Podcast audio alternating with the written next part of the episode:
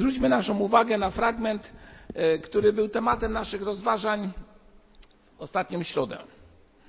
I znowu moje pytanie zabrzmi tak bardzo prosto.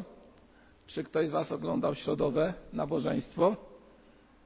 Jedna ręka podniesiona do góry, druga, trzecia. Cieszymy się. Zapraszam, tak, zapraszam. E, jeżeli jest to możliwe, na kanale YouTube i na Facebooku jest kazanie dotyczące tego, że nasz Pan jest głową Kościoła i tak jak czytaliśmy w liście do Kolosan e, w pierwszym rozdziale i piętnastym wierszu, On jest obrazem Boga niewidzialnego, pierworodnym wszelkiego stworzenia. I potem te piękne słowa z dziewiętnastego wiersza pierwszego rozdziału, które brzmią, ponieważ upodobało, upodobał sobie Bóg, żeby w nim zamieszkała cała pełnia boskości.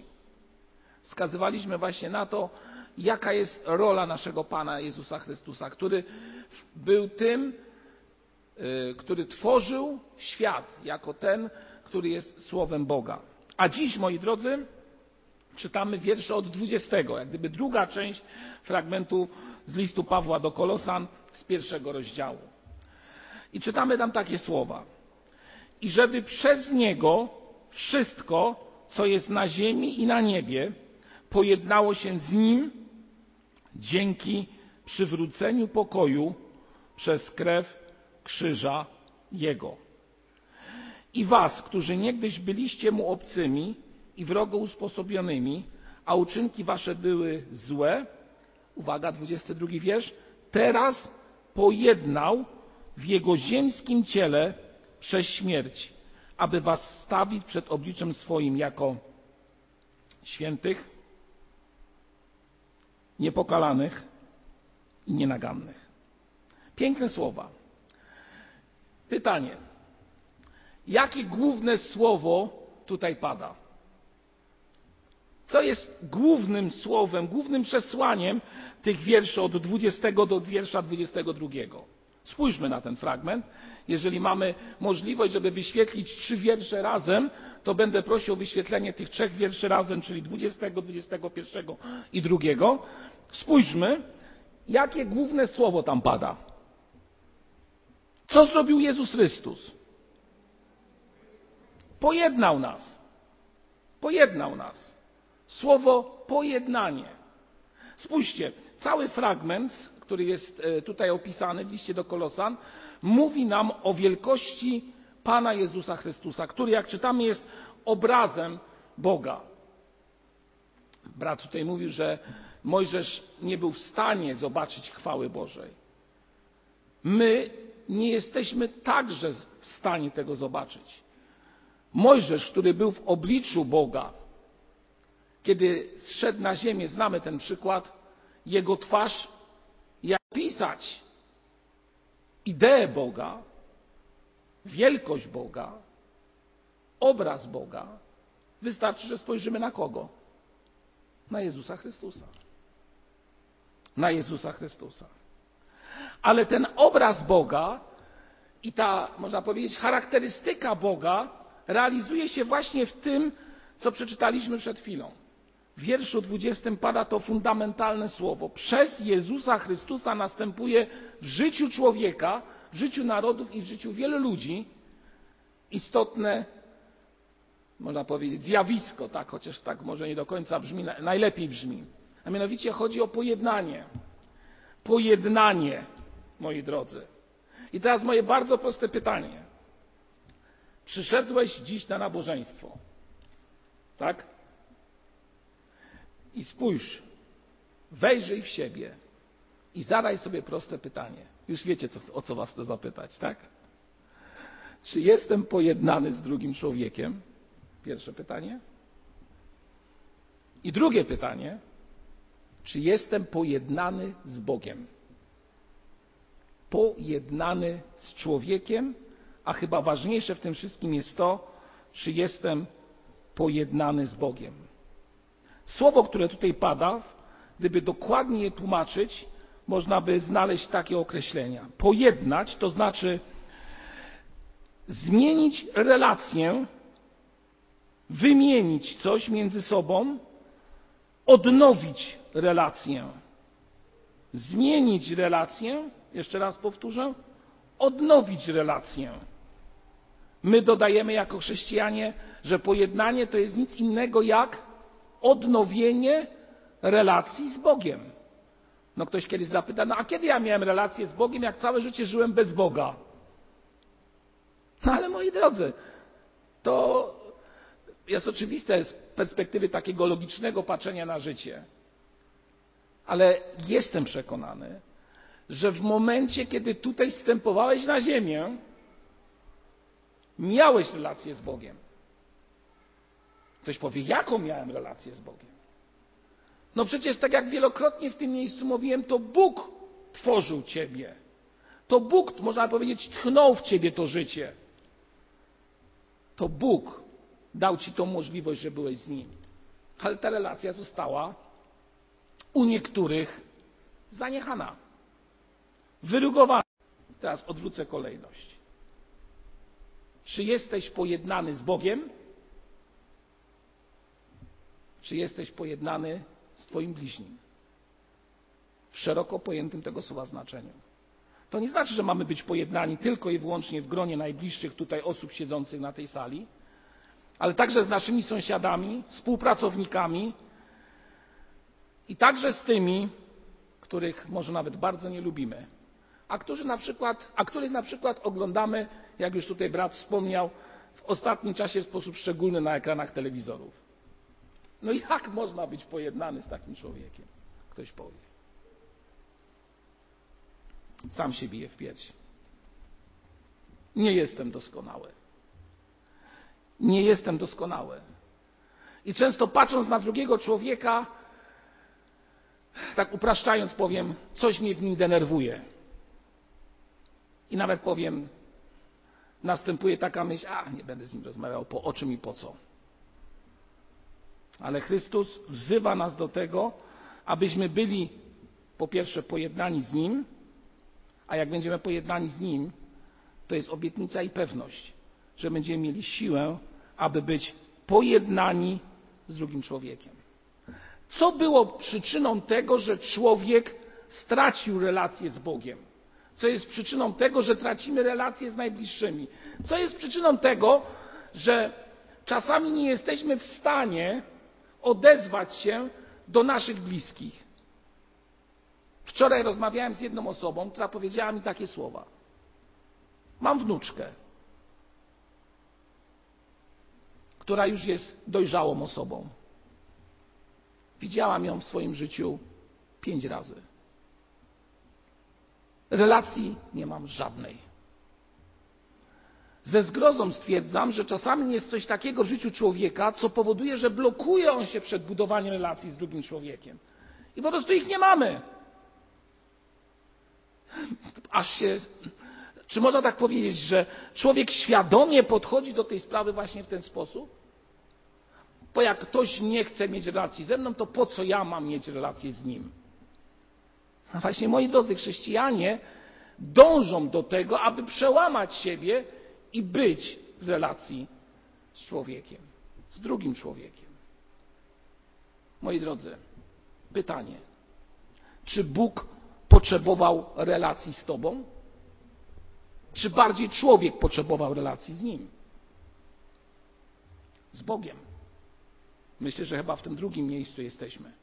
To raczej właśnie to jest istotą sprawy, że my potrzebujemy relacji z Bogiem i my jako wierzący ludzie powinniśmy prosić Boga, aby budować te relacje. Ale jest coś takiego jak grzech, który to grzech niszczy i wpływa na to, abyśmy byli pojednani w różnych sprawach.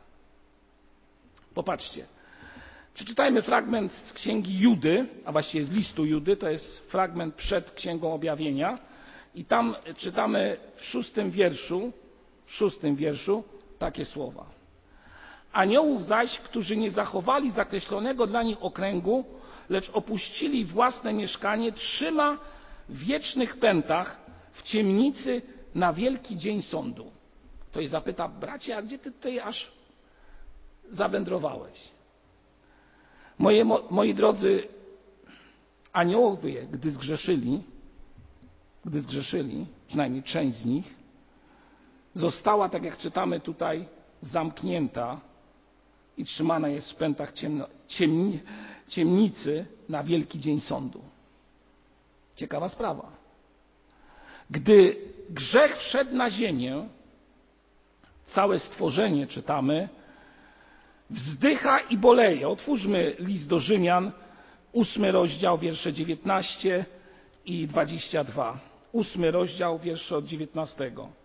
Albowiem sądzę, że utrapienie teraźniejszego czasu nic nie znaczą w porównaniu z chwałą, która ma się nam objawić, bo stworzenie z tęsknotą oczekuje objawienia synów Bożych. Gdyż stworzenie zostało poddane znikomości nie z własnej woli, lecz z woli tego, który je poddał w nadziei, że i samo stworzenie będzie wyzwolone z niewoli, uwaga, skażenia ku chwalebnej wolności dzieci Bożych. Całe stworzenie, można powiedzieć, boleje i jest w miejscu, które tutaj zostało określone słowem skażenie. Moi drodzy, to jeszcze nie wszystko jest z niego. Przeklęty niech, przeklęta niech będzie ziemia z powodu ciebie, w mozole żyć, żywić się będziesz z niej po wszystkie dni życia swego. Zastanawialiście się kiedyś nad słowem, że ziemia jest przeklęta? Ktoś kiedyś mi powiedział, to słowo wyjaśnia, dlaczego na ziemi są chwasty. I dlaczego jest tak, że człowiek pielęgnuje trawnik, a za kilka dni na tym trawniku ma mnóstwo różnych rzeczy.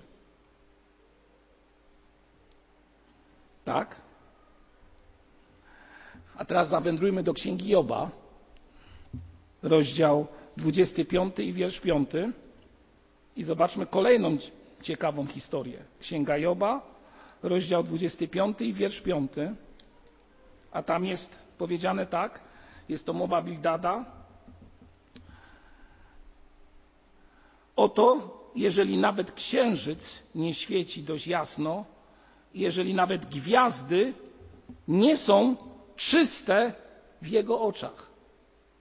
W Bożych oczach to, co my widzimy, też jest nieczyste? Moi drodzy, ktoś zada pytanie no w takiej sytuacji, co jest, czy też gdzie jest możliwość tego, aby to, co jest nieczyste, ziemia, stworzenie, to, co jest na ziemi, aniołowie, zostało wreszcie oczyszczone. I tutaj właśnie w tym fragmencie listu do Kolosan to pada. Ponieważ upodobał sobie Bóg, żeby w Chrystusie, czyli w naszym Panu, zamieszkała cała pełnia boskości. I teraz popatrzcie, co tu jest napisane. I żeby przez Niego wszystko, co jest na ziemi i na niebie, pojednało się dzięki przywróceniu pokoju przez krew krzyża Jego. Niesamowite słowa. W dziele Chrystusa nie tylko człowiek jest odkupiony, ale całe stworzenie. Ale moi drodzy, nie wiem czy zauważyliście, że jednej sfery tutaj nie ma. Jakiej? Spójrzcie na ten fragment. Wszystko, co jest na ziemi i na niebie. A gdzie jest mowa o tym, co jest pod ziemią? Nie ma czegoś takiego. I tutaj właśnie czytam to celowo, między innymi dlatego, że niektórzy z tego fragmentu, mówiąc, że wszystko będzie pojednane z nim, próbują wyciągnąć, zresztą za filozofią w dużej mierze, ideę, która mówi, że w konsekwencji to tak Bóg wszystkim przebaczy. Czyli tak zwane uniwersalistyczne zbawienie. Wszyscy będą zbawieni. Między innymi tą teorię wygłosił Orygenes w kształcie takiego koła, że diabeł odszedł, wszyscy tam kiedyś odeszli, ale wszystko wróci do punktu centralnego i wszyscy będą zbawieni, bo Bóg jest miłosierny. Bóg jest miłosierny, ale Bóg jest też Bogiem jakim? Sprawiedliwym. Moi drodzy, i Was, nas, którzy niegdyś byliśmy obcymi i wrogo usposobionymi, a uczynki nasze złe były, teraz pojednał w jego ziemskim ciele przez śmierć, aby was stawić przed obliczem swoim jako kogo? Świętych, niepokalanych i nienagannych. Po nic, co nieczyste, nie może stanąć przed tym, który jest czysty. Nic, co przeklęte, nie może stanąć przed tym, który jest źródłem błogosławieństwa. Dlatego tak istotna jest ofiara Jezusa Chrystusa. Jeszcze raz powtarzam, dlatego tak istotna jest ofiara Jezusa Chrystusa i druga rzecz, przyjęcie tej ofiary i zrozumienie, że to Chrystus umarł za mnie, abym ja mógł żyć.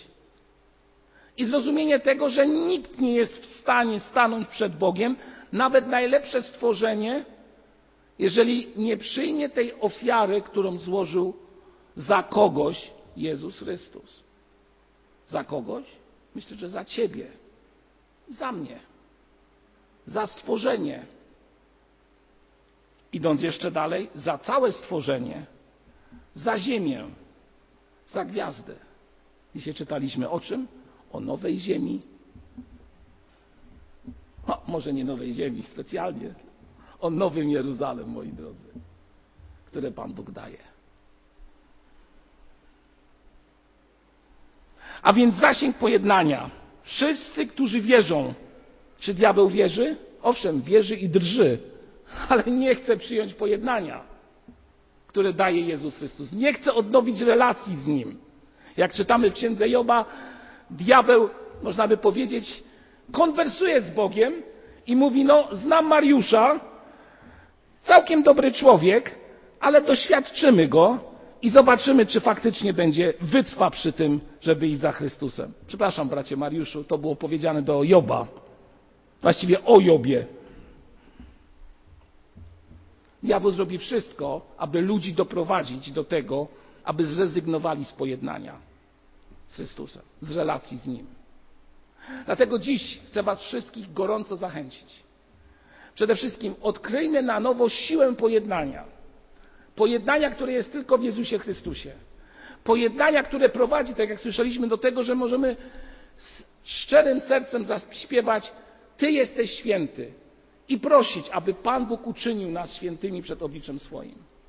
Abyśmy przyjmując pojednanie, przyjęli też Jego oczyszczenie, które nastąpiło przez krew krzyża Jego, przez przywrócenie pokoju między Tobą a Bogiem.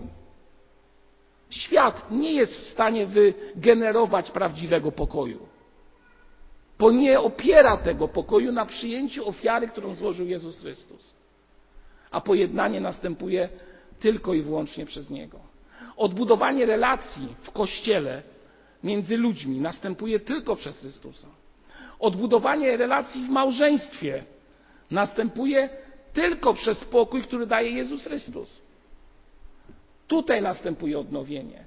Odnowienie następuje wtedy między rodzicami i dziećmi, gdy Jezus Chrystus wkracza w te dwie strony i zaczyna być wspólny, wspólna płaszczyzna porozumienia. Bo tylko w Nim i prawdziwie w Nim, w Jezusie Chrystusie, w którym mieszka pełnia boskości, jest prawdziwe pojednanie. Prawdziwe pojednanie w Nim. Czy jesteś pojednany z Bogiem?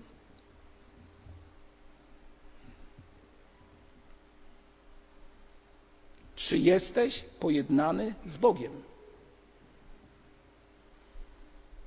W tym miejscu powiem tak: jeżeli będziesz pojednany z Nim, czyli będzie odbudowana relacja z Nim, będziesz miał siłę, aby być pojednany z drugim człowiekiem. Z tym bardzo bliskim i z tym troszeczkę dalszym. Po siłę da Ci Jezus Chrystus, który pojednał wszystko z sobą. Ktoś zada pytanie, no mówiłeś bracie o aniołach, a co z aniołami? No, moi drodzy, przykra sprawa, ale w Piśmie Świętym nie ma nic o odkupieniu aniołów. Tylko jest powiedziane o czym? O dwóch rzeczach. Że są przeznaczeni na sąd i druga rzecz, że Kościół, ten odkupiony, będzie sądził aniołów. Niesamowita sprawa. Powiem tylko tyle, moi drodzy. Zostawmy to Bogu. Jak to będzie wyglądało? Ja Was chcę prosić o jedną rzecz. Kiedy wyjdziecie z tego miejsca, powtarzajcie sobie słowo, czy jestem pojednany z Bogiem, czy jestem pojednany z moim bliźnim. Ale po co mamy to powtarzać? Aby do tego pojednania doprowadzić i zmienić relację, która może jest zburzona. Powstańmy i zapraszam do modlitwy.